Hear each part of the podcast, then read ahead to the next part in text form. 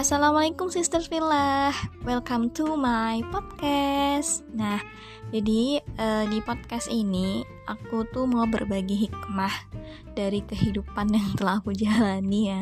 Karena kan kita kalau misalnya diuji sama Allah gitu kan Ditimpa musibah atau diberikan ujian Pasti ada hikmah yang kita dapat petikkan Jadi aku pengen berbagi nasihat-nasihat kehidupan sih yang aku harapkan bisa menjadi self reminder buat diri aku pribadi dan semoga juga bisa bermanfaat buat teman-teman sekalian. Karena Rasulullah telah bersabda dalam sebuah hadis riwayat Bukhari yang bunyinya itu bal diguani wadah hanya sampaikan dari kalau hanya satu ayat. Jadi aku ingin berbagi walaupun itu hanya secuil yang aku tahu.